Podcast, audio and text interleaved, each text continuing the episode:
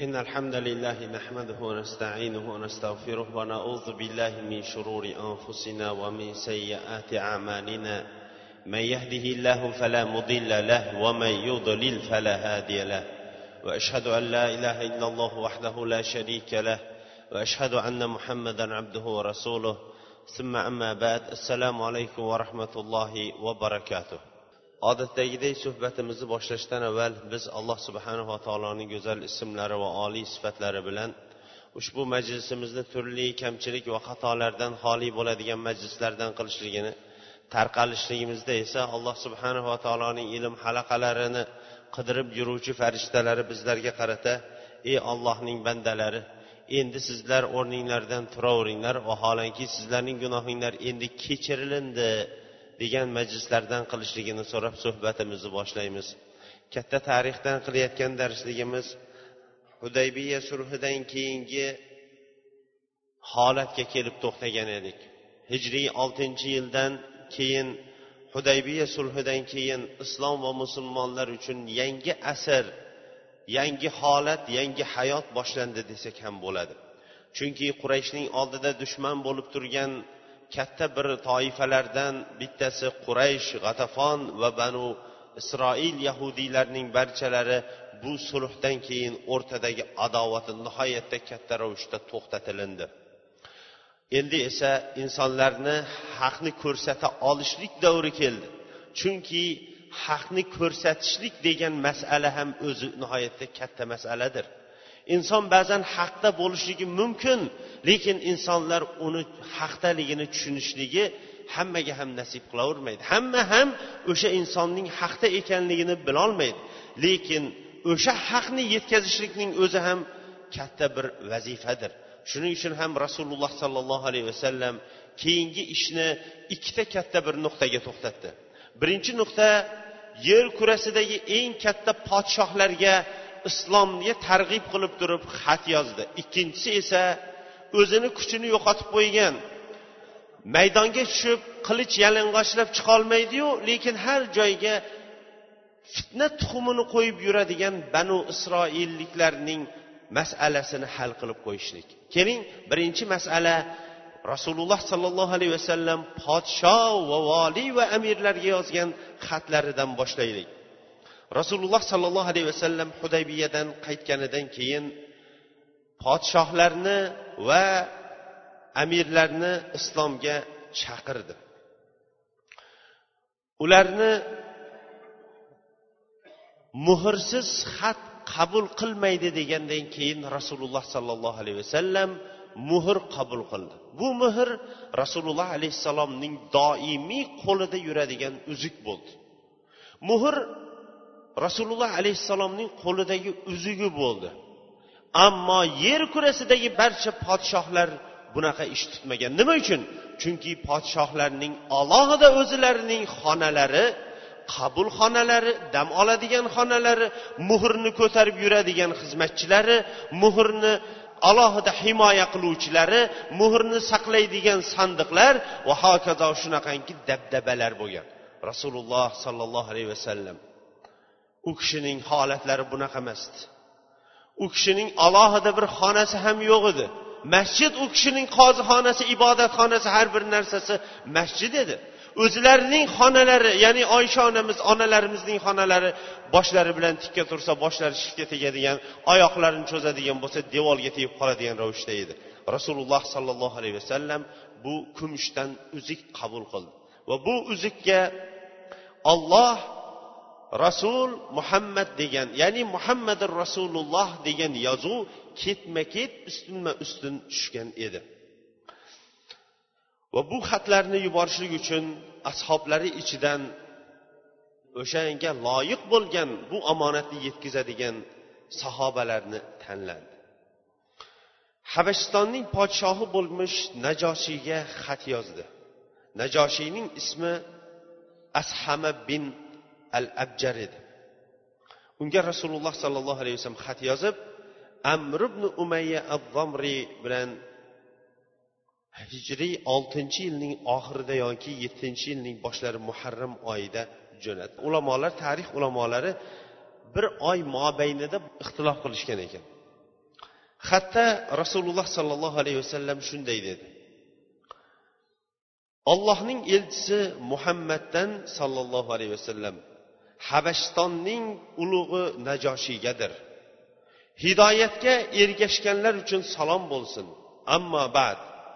Men undan o'zga iloh bo'lmagan ibodat qilishlikka loyiq bo'lmagan molik quddus salam mo'min muhaymin bo'lgan allohga hamd aytaman. Va guvohlik beramanki iso maryamning o'g'li va uning ruhi va unga solinga qo'yilgan kalimasidir. Maryam batul bokira pokiza va gunohlardan tiyingan ayoldir. Isa ibn maryam uning ruhi odamni alloh taolo qo'l bilan yaratganga o'xshash uni ham bo'l deyishligi bilan yaratgandir. Men sizni yolg'iz ollohning o'ziga sherigi bo'lmagan ilohga da'vat qilaman. Va unga itoat qilishligingizga da'vat qilaman va menga ergashishligingizga da'vat qilaman. Men olib kelgan yo'lga iymon keltirishligingizga da'vat qilaman chunki men ollohning elchisiman va sizning askarlaringizni ham ollohga da'vat qilaman. Shuni bilingki men yetkazdim nasihat qildim nasihatimni qabul qiling hidoyatga ergashganlarga salom bo'lsin degan.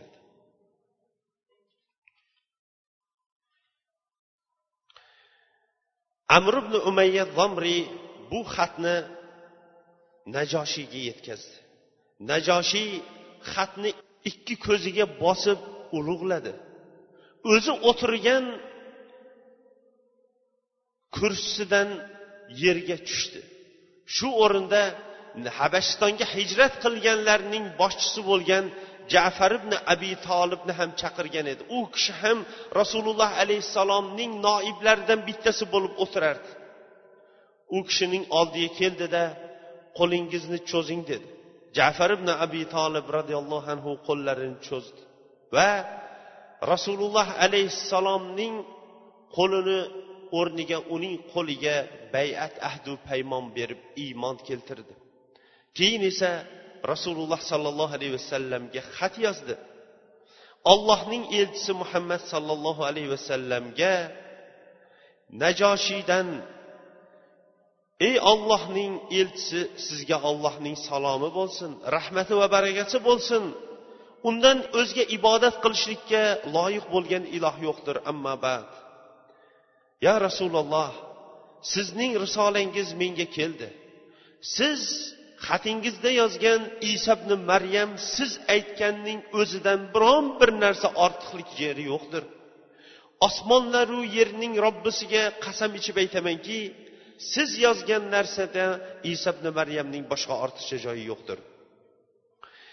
Sizning yuborilgan muhimmangizni bildim va amakingizning o'g'li bilan bog'landim ashoblaringiz bilan bog'landim. Mening o'zim guvohlik beramanki siz ollohning sodiq yolg'on ham gapirmaydigan o'zgalarni ham tasdiqlaydigan elchisiz sizga men bayat berdim.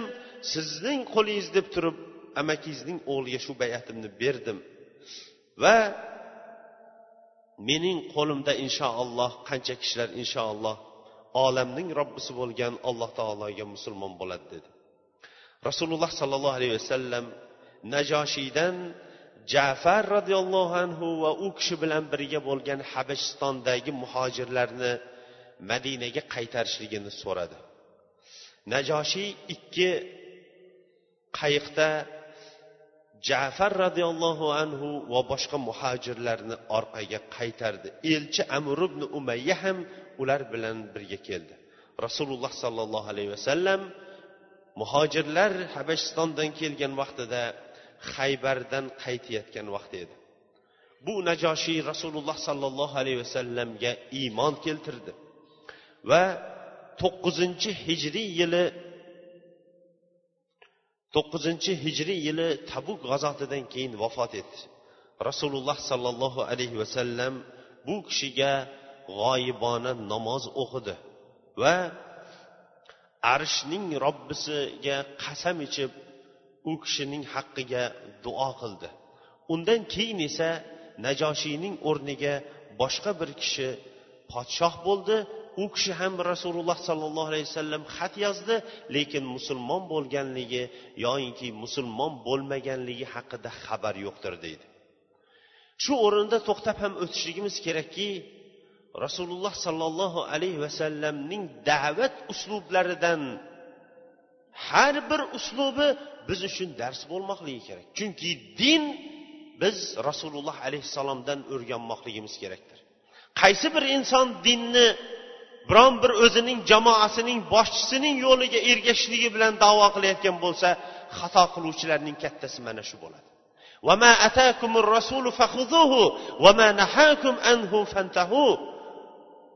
Elchi sizlarga nimani olib kelgan bo'lsa shuni olinglar nimadan qaytargan bo'lsa shundan qaytinglar. Rasululloh sollallohu alayhi vasallam podshohlarga xat yozdi. Nima uchun? Chunki podshohlarning musulmon bo'lib qolishligi ularning qo'l ostilaridagi minglab haloyiqning musulmon bo'lib qolishligiga sabab bo'lardi. Baliq boshidan chiriydi.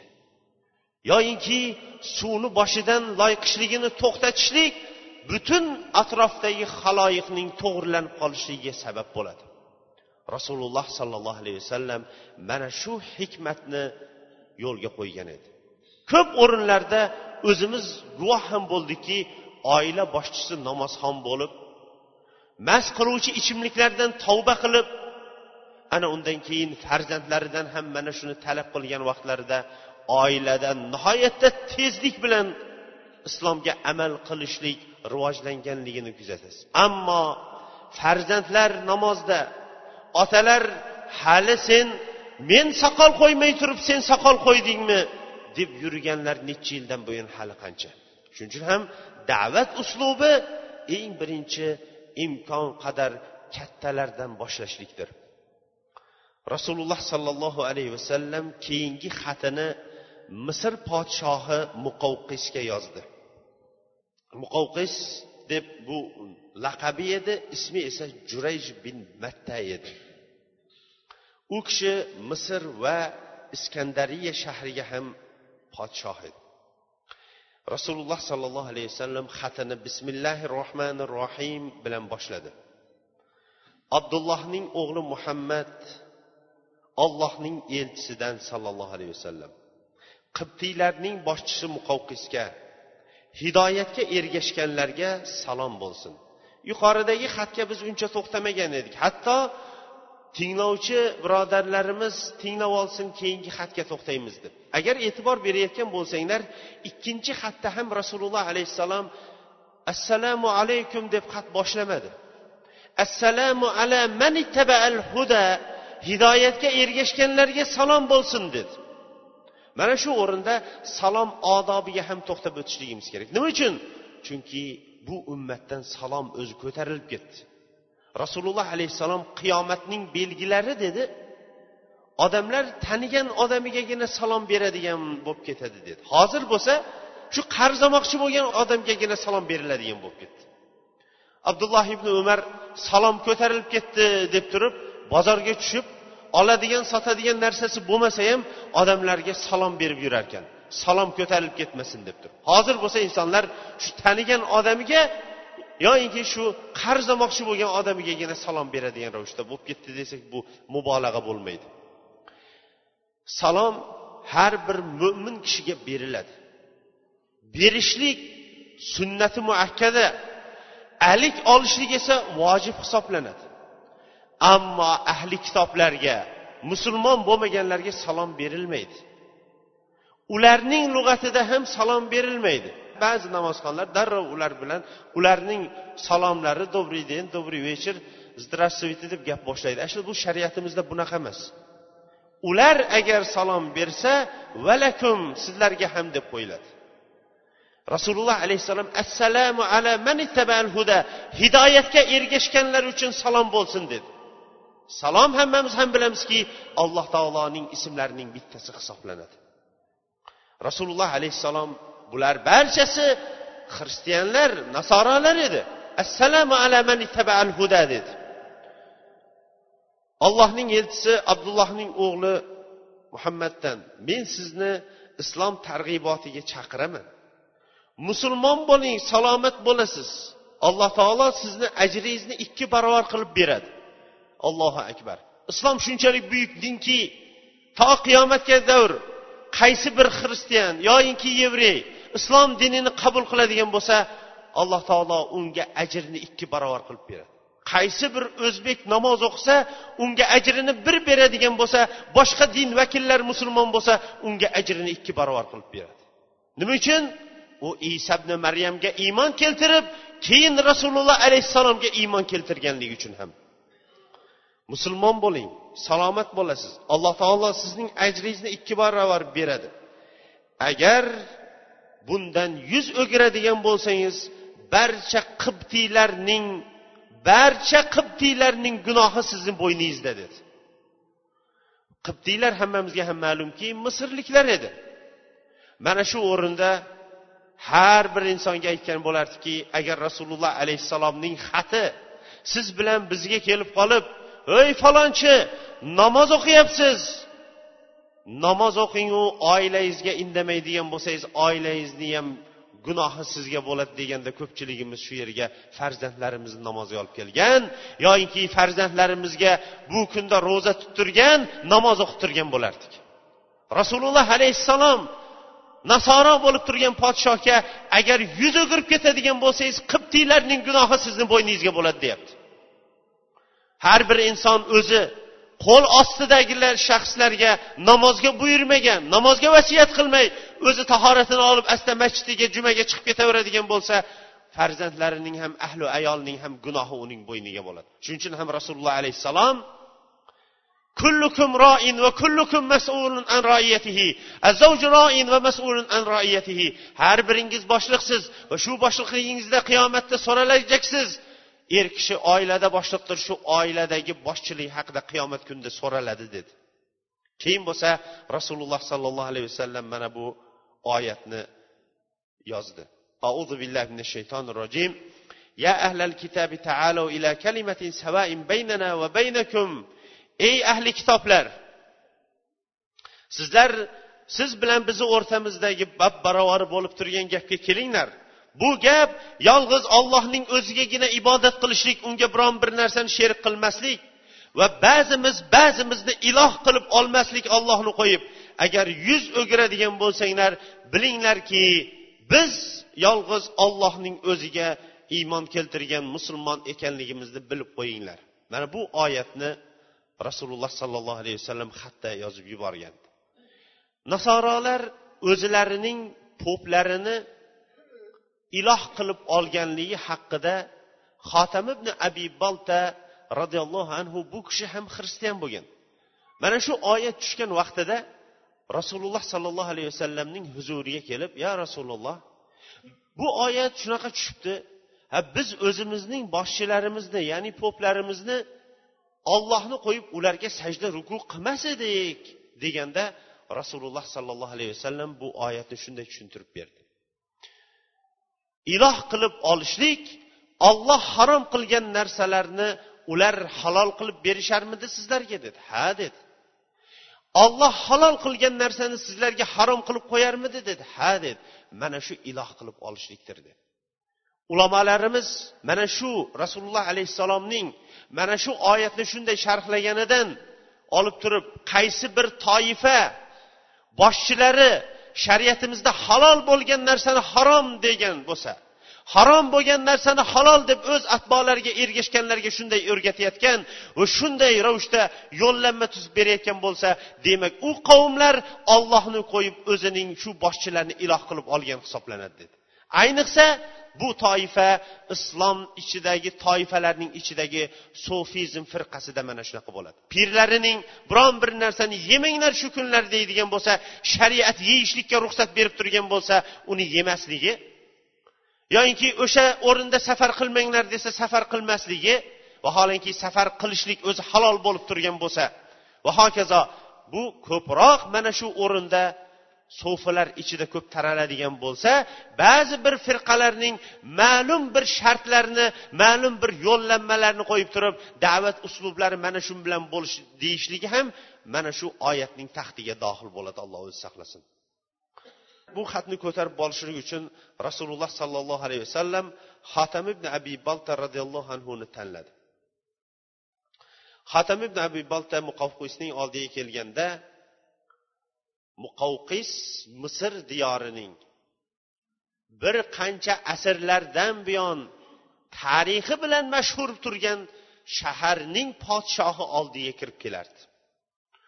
Bu shaharlar qur'oni karimda eng ko'p zikr qilingan muso alayhissalom bilan fir'avn o'rtasidagi tortishuvlarning kursiga voris bo'lib kelayotgan podshohning oldiga kirib kelardi. Shuning uchun ham xotam ibn abi bolta unga gapni boshladida siz dedi sizdan avvalgilar buyuk rob ekanligini davo qilgan o'rinda o'tirganligingizni bilasizmi? Ular shu narsani davo qilgandan keyin alloh subhanava taolo ulardan qanchalik bir intiqom olib ularni xor qilib qo'yganligini qiyomatgacha insonlar uchun ibrat bo'ladigan qilib qo'yganligini bilasizmi dedi. Muqovqis unga gap qaytardida bizni o'zimizni dinimiz bor. Dinimizdan yaxshisi kelmagunicha dinimizni qo'yib qo'ymaymiz dedi. Rasululloh alayhissalomning elchisi xotib roziyallohu anhu sizni islom diniga chaqiramiz. Bu islom dini ollohdan o'zgani iloh qilmaydi. Va bu odamlarni dinga chaqirayotgan payg'ambar alayhissalom u kishi ollohning elchisidir. Quraysh va yahudlar rasululloh alayhissalomga eng qattiq dushman edi. Nasorolar eng yaqin edi. Muso alayhissalom iso alayhissalomni xushxabar berganiga o'xshash iso alayhissalom ham muhammad alayhissalomni kelishligini xushxabar bergandir. Qur'on ham insonlarni yaxshilikka chaqirishligi tavrot va injildan ortiq bo'lsa ortiqdir undan kammasdir. Har bir payg'ambar o'z qavmiga kelgan qavmi esa undan keyin kelgan payg'ambarga iymon keltirgan. Va biz sizni masihiy diningizni tashlashlikka chaqirmaymiz. Balki iso ibn maryamga ham iymon keltirganingizdek payg'ambar alayhissalomga ham iymon keltirishligingizni chaqiramiz dedi. Muqovqis bu gapni eshitdida bu gapga joni bor gapga o'xshaydi. Bu gap nihoyatda chiroyli gap ekan. Men bu gapning egasi adashgan sehrgar yolg'onchi bo'lgan kohin holatda topmayapman. Uning o'zining mo'jizalari ham bor ekan. Men bir o'ylanib ko'ray dedida xatni saqlab qo'yib keyin xatni cho'riga topshirdida arabcha yoza oladigan kotibni chaqirib rasululloh sollallohu alayhi vasallamga xat yozdi. Rasululloh sollallohu alayhi vasallamga xat yozib salamun alayk. Amma bad. Xatingizni o'qidim. Siz aytgan narsalarni tushundim. Siz chaqirayotgan dinni ham tushundim. Men bildimki payg'ambarlik hali ham qolgan ekan. Lekin men o'ylardim payg'ambarlik ko'proq shom diyorlaridan chiqsa kerak deb o'ylab yurardim. Elchingizni izzat hurmat qildim. Elchingiz bilan birga ikkita qul yuboryapman. Ularning bizni huzurimizda o'rni buyuk bo'lgan qullar edi. Va sizga libos yuboryapman va sizga minib yurishligingiz uchun hashr ham yuboryapman. Sizga salomlik bo'lsin deb yozib yubordi. Bu kishi bundan boshqa narsa qo'shmadi ham musulmon ham bo'lmadi. Ammo ikkita qul bittasi joriya cho'ri mariya edi. Ikkinchisi esa qul sirin edi. Hachir esa ismi duldul bo'lib rasululloh sollallohu alayhi vasallam uni minib yurdi to muaviya roziyallohu anhuning xalifalik davriga qadar. Bu duldul tirik turdi. Mariyani rasululloh sollallohu alayhi vasallam o'ziga cho'ri qilib oldi. O'g'illari ibrohim shu mariyadan tug'ildi. Ammo sirinni hassan ibn sabit al ansoriy roziyallohu anhuga sovg'a qilib yubordi. Uchinchi xat kattaroq. Mulki ham shavkati ham kattaroq bo'lgan podshohga edi. Bu podshoh fors imperatoriga edi. O'sha davrlarda ham ikkita yer kurasida imperiya bor edi. Birinchi imperiya fors imperiyasi ikkinchi imperiya rum imperiyasi edi. Hozirgi kundagi ko'p filmlarda yevropa o'zining rim imperatori va rim imperiyasining qancha yuzlab insonlarni o'ziga tobe qilganliklari shavkati nihoyatda buyuk bo'lgan shavkati buyuk bo'lgan bu askarlari bilan maqtanib katta bir o'rinni egallab turganligi haqida hamma yoqqa ovoza qilishib ishlayotgan filmlarini ham shunaqangi bir jasur yengilmas ko'rsatadi. Ammo ular ko'rsatmaydiki bu imperiyaning ikkovi ham umar ibn xattob roziyallohu anhu davrida tiz cho'kib tilka pora bo'lib ketganligini aytishmaydi.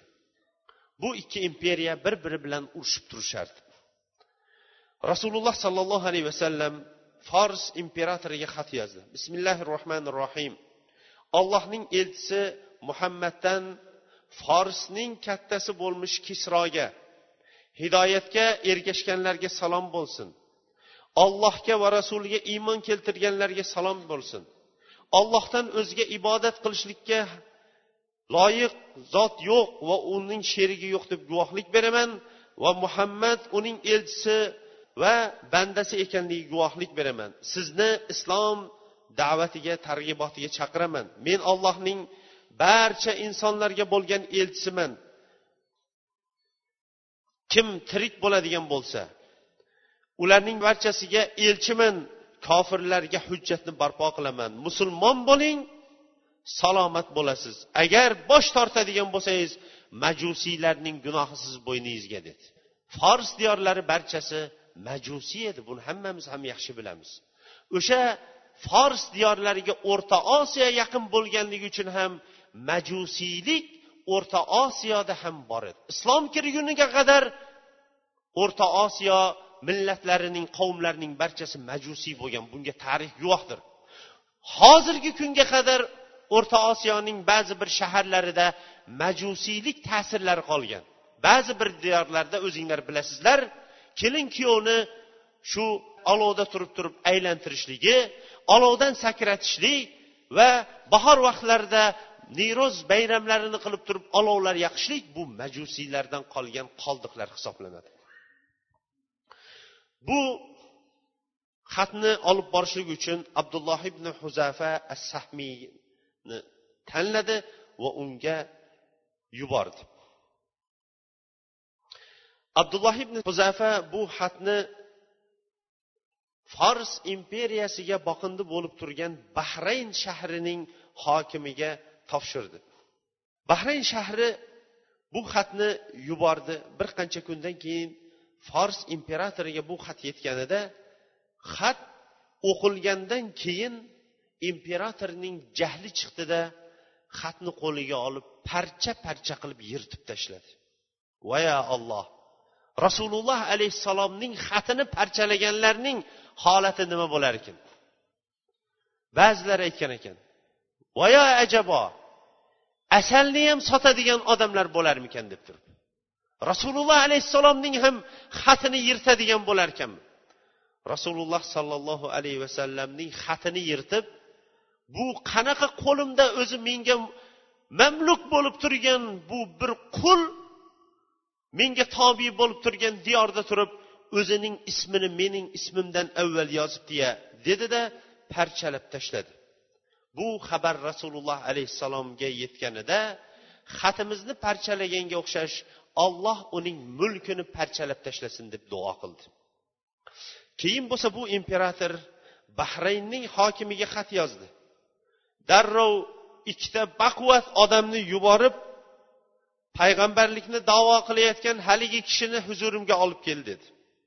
Bu ikki kishi rasululloh sollallohu alayhi vasallamning oldiga keldi va rasululloh alayhissalomga tahdid solib siz shunaqa shunaqa xat yozib bema'nilik qilib yurgan ekansiz. Bizga shunaqa fors imperatoridan buyruq kelgan. Sizni hozir biz bahraynga keyin bo'lsa fors imperatoriga olib kelamiz dedi. Rasululloh sollallohu alayhi vasallam ertaga yo'l qilinglar menga dedi. Rasululloh alayhissalom xushfe'l fe'li keng. Qo'pol dag'al gapirganlarga muloyim javob qaytarib natijasini kutib turardi. Shu o'rinda aytib o'tmoqligimiz kerakki alloh subhanava taolo rasululloh alayhissalomning duosi bilan imperatorning xonadonini parchalab qo'ygan edi. Yaqindagina rum imperiyasi bilan bo'lgan urushda fors imperiyasi yiqilib yengilgani sababli imperatorning uyida hokimligi ikkiga bo'linib o'g'lini otasiga qarshi qayrab turganlar bor edi. Shu kecha bu ikki kishi rasululloh alayhissalomga yetib kelgan kechasi o'g'li shiravayh otasi fors imperatori bo'lmish kisroni o'ltirdi va o'zi taxtga o'tirdi. Alloh taolo uning qo'li bilan yirtgan rasululloh alayhissalomning qo'li bilan yirtgan xati sababli o'zining qo'lida o'stirgan farzandi bilan o'zini tilka pora qildirib qo'ydi.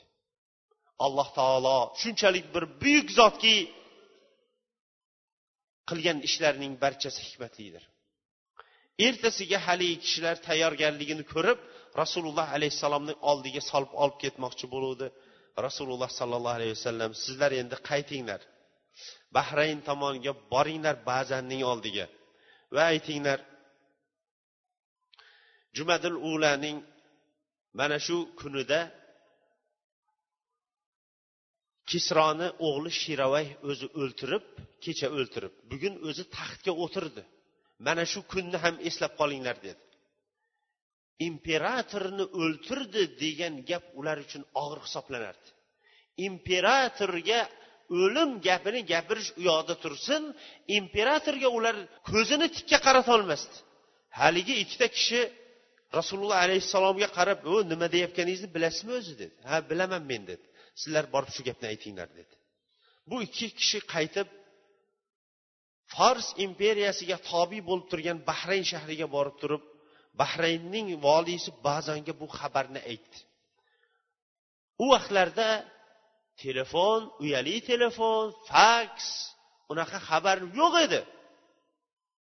Ba'zanga bahraynga bir qancha kunda borganidan keyin ba'zan bu xabarni eshitdida hayron bo'lib turuvdi.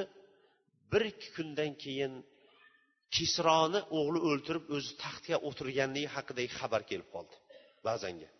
Va yana xabar keldiki kisroning o'g'lidan otam sizga masalasini hal qilib qo'y degan odam ya'ni rasululloh alayhissalomga tegmang men o'zim u kishining ishini ko'raman dedi.